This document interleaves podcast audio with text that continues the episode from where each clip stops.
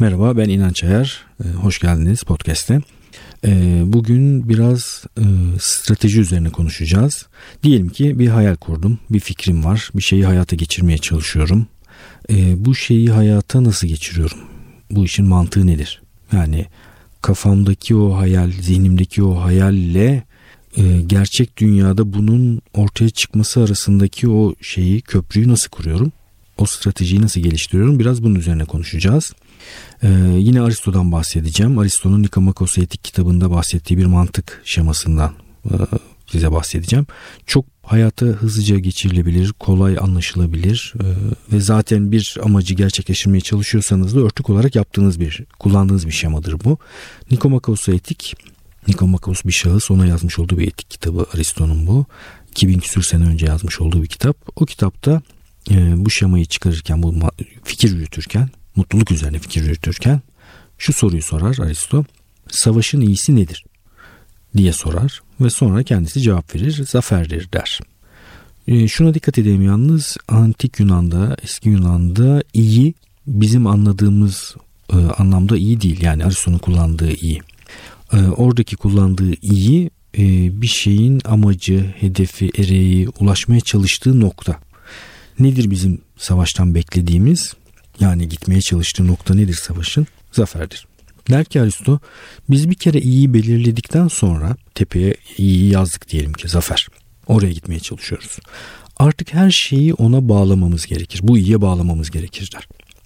Ve böyle o şeyleri iyiye bağlayarak yolumuza devam ederiz der. Örnek verelim mesela bir e, asker botu ürettiğimi düşünelim. Bu asker botunun modaya uygun olması, göze hoş görünmesi, estetik olması, güzel olması falan hiç önemli değildir.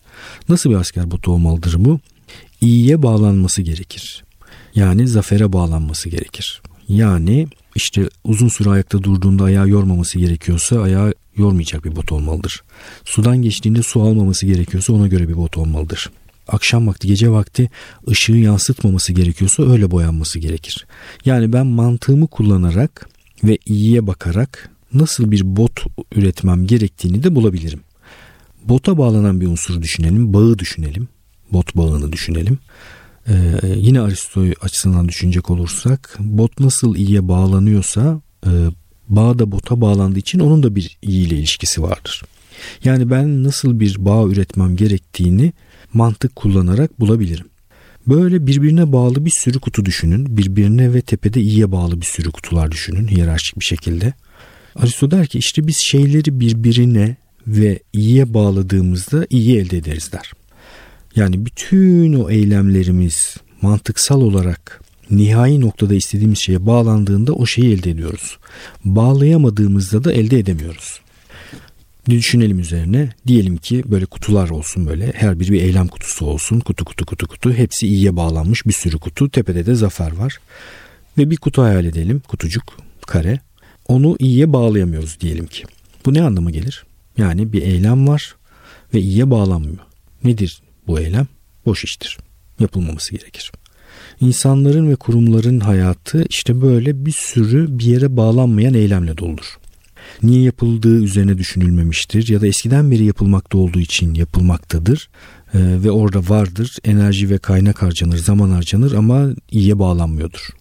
Aslında bir insan kendi eylemlerinden ve kurumlarda kendi eylemlerinden bir yere bağlanmayan, iyiye bağlanmayanlarını elese bile baya bir mesafe kat etmiş olur. Ee, ya da başka bir şey düşünelim. İki tane eylem var. İkisini birden yapamıyorum. Hangisini yapacağıma nasıl karar vereceğim? Hangisi iyiye daha iyi bağlanıyorsa, hangisi iyiye ulaşmamı sağlıyorsa onu bağlamam gerekir. Doğru olan odur. Ya da e, inovasyon açısından düşünelim. E, inovasyon, biz inovasyon yapılmasını istiyoruz. Ülkemizde inovasyon olmasını istiyoruz ve yıllardır işte fon dağıtmaya çalışıyoruz, paralar dağıtmaya çalışıyoruz ama bir türlü inovasyon gerçekleşmiyor. Gerçekleşmez çünkü tepede inovasyon olması gerekir ki iyi olarak, ülkenin tepesi ve iyisi olarak e, o iyiye herkesin bağlanması kişi ve kurum olarak ancak o sonucun ortaya çıkmasını sağlayacaktır. E, ben mesela bir dönem e, bir liderlik çalışmasında okul müdürleriyle çalışırken şöyle bir şey ben 71 doğumluyum işte e, o dönemlerde biz e, ilkokuldayken kullandığımız bir yöntem vardı. Artık değişmiş olacağını varsayarak şöyle bir şey söyledim. Eskiden dedim e, bizi dedim okulun bahçesinde sıralar halinde tutarlardı ve sonra sırayla içeri girerdik. Sıralı olarak içeri alınırdık. Bunun o kadar e, yanlış olduğunu düşünüyorum ki bence değişmiş olmalı diye de art değişmiştir artık diye günümüzde diye bunu örnek olarak veriyorum. Yine öyle alıyoruz hala öyle alıyoruz diye de, dediler. Çok ilginç değil mi? Neden çocuklar o şekilde içeri alınır? İlk sorduğumuzda söylenen şey disiplinli olsunlar, düzenli olsunlar diye.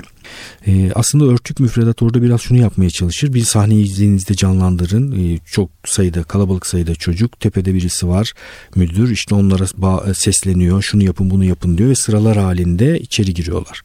Aslında daha o çağlardan bir kişinin e, emirlerine ve hedeflerine uygun davranmak üzerine bir şey e, çalıştırılmıştır, yerleştirilmiştir benim düşünceme göre. Ee, aslında o çocukların güle oynaya keyifli bir şekilde içeri girmesi gerekir. Hep derler ya işte hani disiplin olsun diye öyle koyuyoruz. O çocukları siz bıraksanız normal hallerine bir süre koşturarak ve itişerek girebilirler ama bir süre sonra normal bir şekilde girmeye devam ederler. Bunu niye anlatıyorum? Şu nedenle eğer biz ileride inovasyon gerçekleştirmek istiyorsak işte yaratıcı bireyler yetiştirmek istiyorsak çocukları da okula o şekilde sokmamamız gerekir. Çocukları o şekilde sokuyorsak okula ileride onlardan inovasyon beklemeyeceğiz. Beklemememiz gerekir. Yani hem çocuklar o şekilde girsin hem de ileride inovasyon yapalım olmuyor. Neden olmuyor? Çünkü Aristo'nun bu mantık şeması bunun olmasına engel gayet de mantıklı bir şekilde olmuyor. Tepede inovasyon olursa çünkü e, bizim çocukları da inovasyon yapacak bireyler olarak yetiştirmeye çalışmamız gerekir. Her şeyi birbirine bağlamamız gerekir. Trafik polisinin bana bir inovasyon yapacak vatandaş olarak yaklaşması gerekir gibi bir sürü ilişkiyi kurmamız gerekir ki ileride o şeyi gerçekleştirelim. Çok enteresandır. Aristo aslında burada strateji geliştirmeyi de anlatmış oluyor. Stratejik planlamada, stratejik yönetimde çok kullandığımız kavramlardır. Misyon, vizyon, stratejik amaçlar, stratejik hedefler. Bu iyi diye tepeye koyduğumuz şeyi bir tür hedef gibi düşünebilirsiniz. Stratejik hedef. Ve bu bu hedefe ulaşmak için de yaptığımız eylemler, faaliyetler, faaliyetler olarak düşünebilirsiniz. Aslında biz ne yapıyoruz en nihayetinde? Tepede bir iyi var iyi gelecek zamanda şu anda var olmayan bir şey, gerçekleştirmeye çalıştığımız bir şey, bir durum. Biz şimdiki zamandayız. Şimdiki zamandan eylemlerimizi birbirine ve iyiye bağlayarak gelecek zamana bir mantık köprüsü kurmaya çalışıyoruz. Strateji geliştirmek dediğimiz şey bu özünde. Herkes strateji geliştirmek zorunda mı? Her kurum strateji geliştirmek zorunda mı? Hayır. Yani e, bir şeyi gelecekteki bir durumu tarif edip onu oluşturmaya çalışmıyorsanız oluşturmayabilirsiniz. Mesela bireysel açıdan düşünecek olursak bir insan ilkelerine dayanarak da bir yaşam sürdürebilir. Yani şunu söyleyebilirsiniz. Hayat benim karşıma ne çıkarırsa kabul ediyorum ve bir takım ilkeleri sadece dikkate alıyorum. İşte hırsızlık yapmayacağım, e, yalan söylemeyeceğim, insanlara zarar vermeyeceğim, mümkün olduğunca kazan kazan ilişkileri kuracağım gibi bir takım ilkelerle hareket edeceğim. Bunun dışında da bir strateji geliştirmiyorum diyebilir misiniz? Evet diyebilirsiniz. Ama gelecekte bir durum tarif ediyorsanız yani ileride şöyle olsun isterim diyorsanız ve isteğiniz varsa gelecekle ilgili o isteğinizin ortaya çıkması için strateji geliştirmek durumundasınız. Yani ne istediğim aslında iyi olan e, benim o iyiye ulaşarken eylemlerimi bağlama biçimimde o şeyin nasıl olduğu. Yani stratejik olan tarafı o aslında. Stratejik olmayanı da bir hızlıca konuşalım. E, nedir stratejik olmayan? Eğer gelecekteki bir durumla ilgili o durumun açığa çıkması için herkes bana nasıl açığa çıkacağına dair aynı şeyleri söylüyorsa o durum stratejik bir durum değildir. Yani örnek verelim basit bir örnek olsun. Mesela diyelim ki Çin'e ürün göndereceğim. Bir sürü ürün göndereceğim.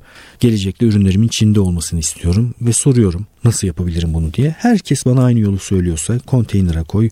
Bilmem neyle anlaş. işte tırlara yükle. Önce gemiye koy. Bir yere kadar götür diye bir şey söylüyorsa ve herkes aynı şeyi söylüyorsa bu bir planlama işidir. Stratejik bir iş değildir stratejik olması için gelecekte olması ve o gelecekteki durumun açığa çıkması için de herkesin aynı şeyi söylememesi gerekir. Herkesin aynı şeyi söylediği durumlar planlama durumu, herkesin aynı şeyi söyleyemediği durumlar stratejik olan durumlar. Niye herkes aynı şeyi söyleyemiyor? Çünkü gelecek öngörülemezlik barındırıyor. Daha doğrusu strateji geliştirmemiz gereken gelecek türleri öngörülemezlik barındırıyor. Bu durumları düşünürken strateji kullanmamız gerekiyor. Yani eylemlerimizi istediğimiz şeye mantıklı bir şekilde bağlamamız, bazı şeyleri yapmamamız, bazı şeyleri daha çok yapmamız falan gerekiyor. Biraz daha netleşsin, zihinde canlansın diye bir örnek vereyim. Ben e, yaklaşık bir 11-12 senedir Boğaziçi Üniversitesi'nde ders veriyorum yarı zamanlı olarak eğitim fakültesinde. Bir dersin bitiminde bir gün e, öğrenciler sohbet etmek istediler dönem sonu. Çay içiyoruz, sohbet ediyoruz. Ben de tabii ki dedim.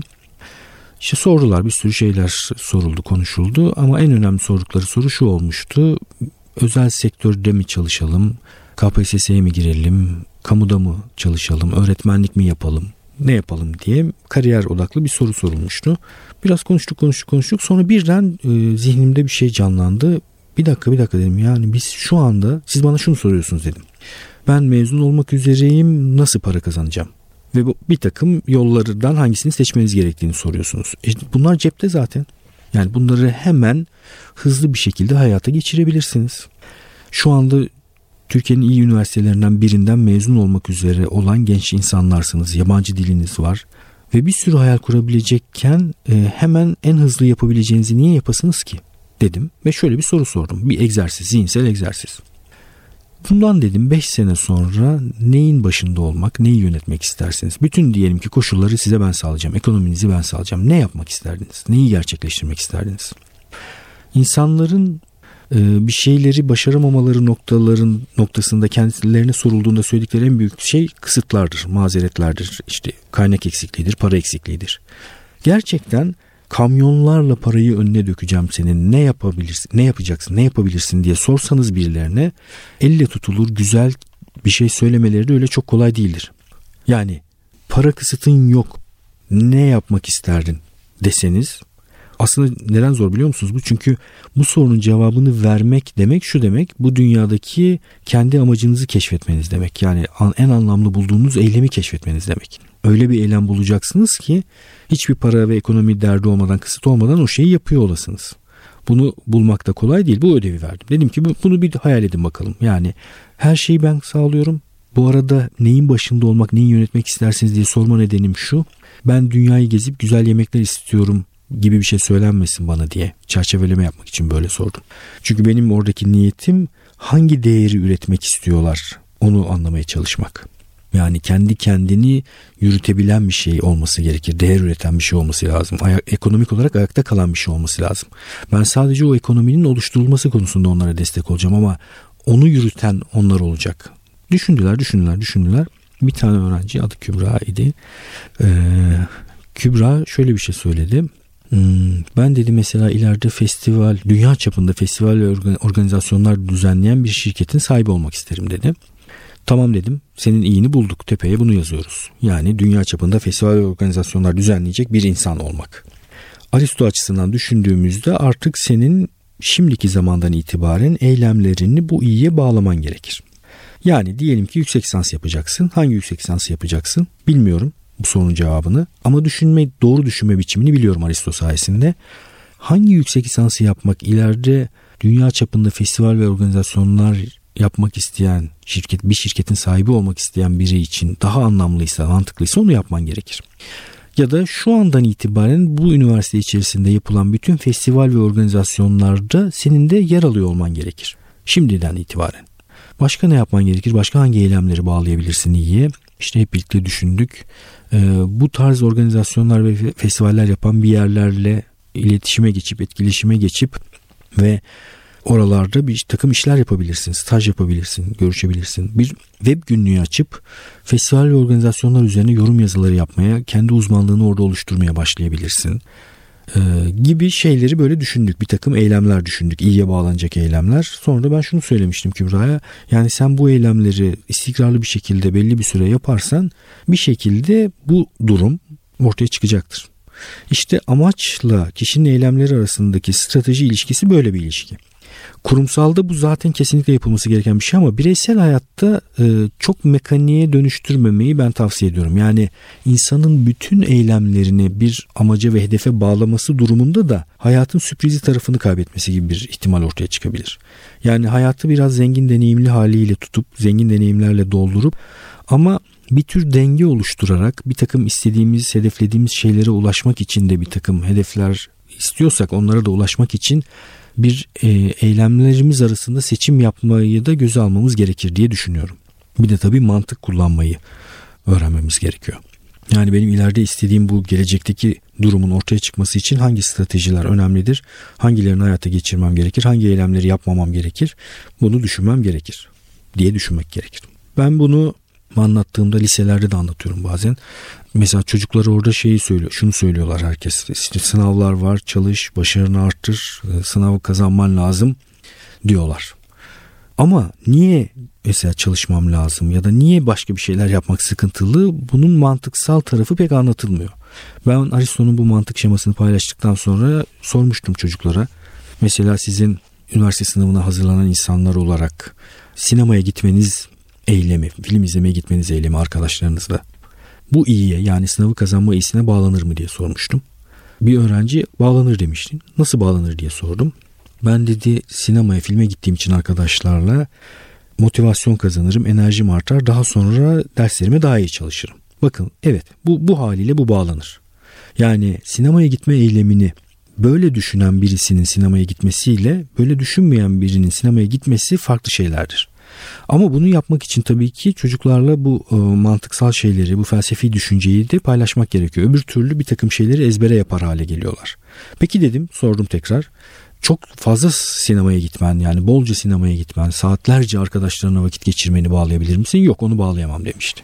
Yani demek ki hedefle eylemler arasında bir takım ilişkiler oluşturmak gerekiyor. Ya da motivasyon konusunu ele alalım. Yine bir örnekle yine bir lisede böyle eğitim verirken bir grup çocuk böyle sürekli koşturmakta beni dinlemiyorlar falan. Çok da kalabalık bir salondaydık işte 80-90 kişiyiz Hızlıca şunu düşündüm. Çocukların bir şekilde beni dinlemeye devam etmesini sağlamaya çalışmak var bir yanda. Bu da bir enerji gerektiriyor ve vakit gerektiriyor. Bunu kibar ve güzel bir şekilde yapmak. Bir de görmezden gelmek. Hangisini yapmalıyım diye hızlıca düşündüm. Çok zarar vermediklerini ortama tespit ettim. Yani öğrenmeye çok zedelemiyorlar. Beni de dinleme niyetinde değiller o anda. Onları kaybetmeyi göze aldım ve diğerleriyle eğitime devam ettim. Onlar böyle itişiyorlar, kakışıyorlar işte koşturuyorlar, eğleniyorlar, keyiflerine bakıyorlar. Bu da beni çok rahatsız etmez bu arada. Ben de keyfime bakıyorum. Sonra eğitim bitti. Bu koşturan ekip e, yolumu kesti. Dedi ki bir tanesi bir soru sorabilir miyim? Tabii dedim. Nedir soru? Ben dedi matematik çalışmam gerektiğini biliyorum ama hiç çalışamıyorum. Nasıl çalışacağım dedi. Bütün konuşmayı bu arada koştururken takip etmişler, dinlemişler. Bu da bana sürpriz oldu. Çok da hoşuma gitti açıkçası. Ee, dedim ki ileride istediğim bir şey var mı? En önemli konu bu istek konusu çünkü. ODTÜ'de dedi elektrik elektronik mühendisliği isterim dedi. Mesela beni çok heyecanlandırdı böyle bir şey. Tamam dedim. Diyelim ki senin iyin bu. ODTÜ'de elektrik elektronik mühendisliği okumak. Şimdi dedim hayal et kendini.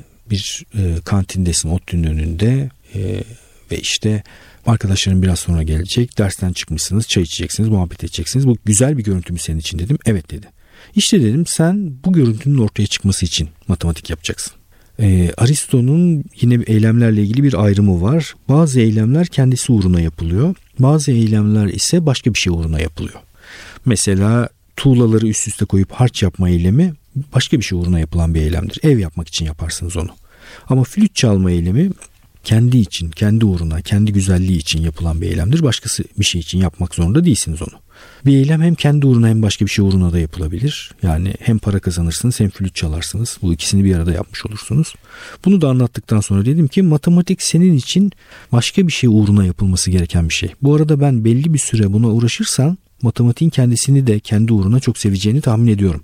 Ama başlangıç olarak senin motivasyonunu sağlayacak nokta dedim matematik değilse eğer onda o sevgiyi ve isteği bulamıyorsan kendi hayalindeki ODTÜ bahçesinde kantinde çay içmeyi tepeye koyacaksın iyi olarak. Matematikle uğraşıyor olmak, çalışıyor olmak da ona bağlanan eylemlerden birisi olacak. İşte bu eylemi yaparsan o kantinde o çayı içersin. Bu eylemi yapmazsan da o kantinde o çayı içmezsin. Bu kadar basit. Zaten vermen gereken karar bu. Ama bu çerçeveden bakmaz da gündelik arzu ve isteklerine bakarak bir şeyler yaparsan da o sahnenin içerisinde o çayı içemiyor oluyorsun. Zaten strateji dediğimiz şey de tamam buna dayanıyor. Yani şimdiki zamandaki arzu ve isteklere bakmadan gelecekteki bir durumu açığa çıkarmak üzere ben hangi eylemleri yapabilirim, hangi eylemleri yapmamam gerekir konusuna bakmak gerekiyor. Ee, kapanışı coşkuyla yapmak istiyorum. geçtiğimiz bölümlerden birisinde coşku konusuna gireceğimi söylemiştim. Coşku ile ilgili anlatacağım küçük bir şey var. Önemli olduğunu düşünüyorum çünkü coşku meselesinin. Ee, bizim hedefimize, amacımıza ulaşmaya çalışırken eylemlerimizin aynı zamanda coşkulu da olması gerekiyor çünkü. Coşkuyla ilgili anlatacağım şey bir çok meşhur bir satışçı vardır Frank Bettiger. Onun yazmış olduğu kitaptan e, bir hikayecik. Frank Bettiger, e, bu arada ben hikayeyi yanlış hatırlıyor olabilirim size daha önce söylemiştim. Aklımda kaldığı hali bir süre sonra benim daha çok hoşuma gidiyor ve orijinaline dönüp bakmıyorum.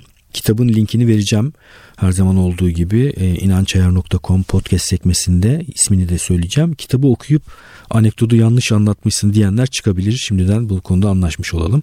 Frank bir gün işte patron çağırıyor odasına giriyor ve patron diyor ki Frank diyor aylardır satış rakamların çok düşük artık senin işine son vermem gerekiyor diyor. Yani bekledim ve satış rakamlarının yükselmesini bekledim ama bir değişiklik olmadı. Yapabileceğim herhangi bir şey yok diyor.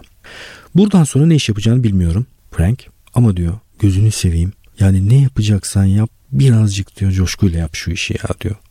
Adeta şunu diyecek yani içimizi kuruttum burada diyecek ama onu demiyor.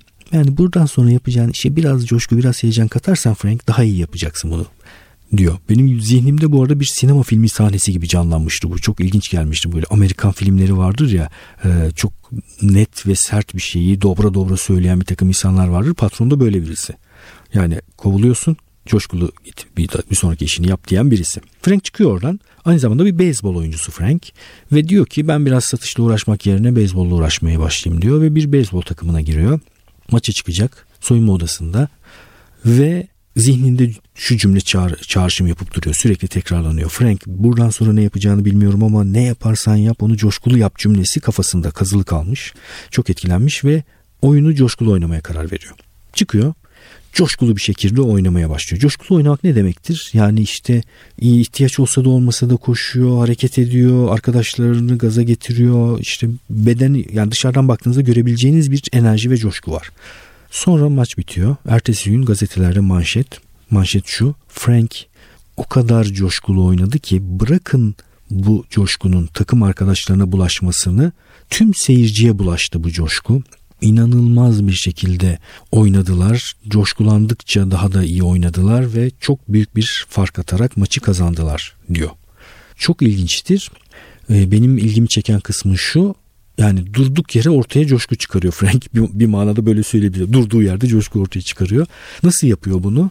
marş motoru vardır ya yani arabayı çalıştırdığınızda marş motoru ilk hareketi verir sonra motor çalışır. Buna benzer bir şekilde ilk coşkuyu kendisi veriyor kendisine. Sonra ama güzel bir döngü ortaya çıkıyor. Yani e, kendisi coşkulu oynadıkça seyirciden bir ilgi görüyor. Arkadaşlarından bir ilgi görüyor. Onlardan ilgi gördükçe ve destek gördükçe kendi coşkusu artıyor ve böylece bu döngü kendi lehine işlemeye başlıyor.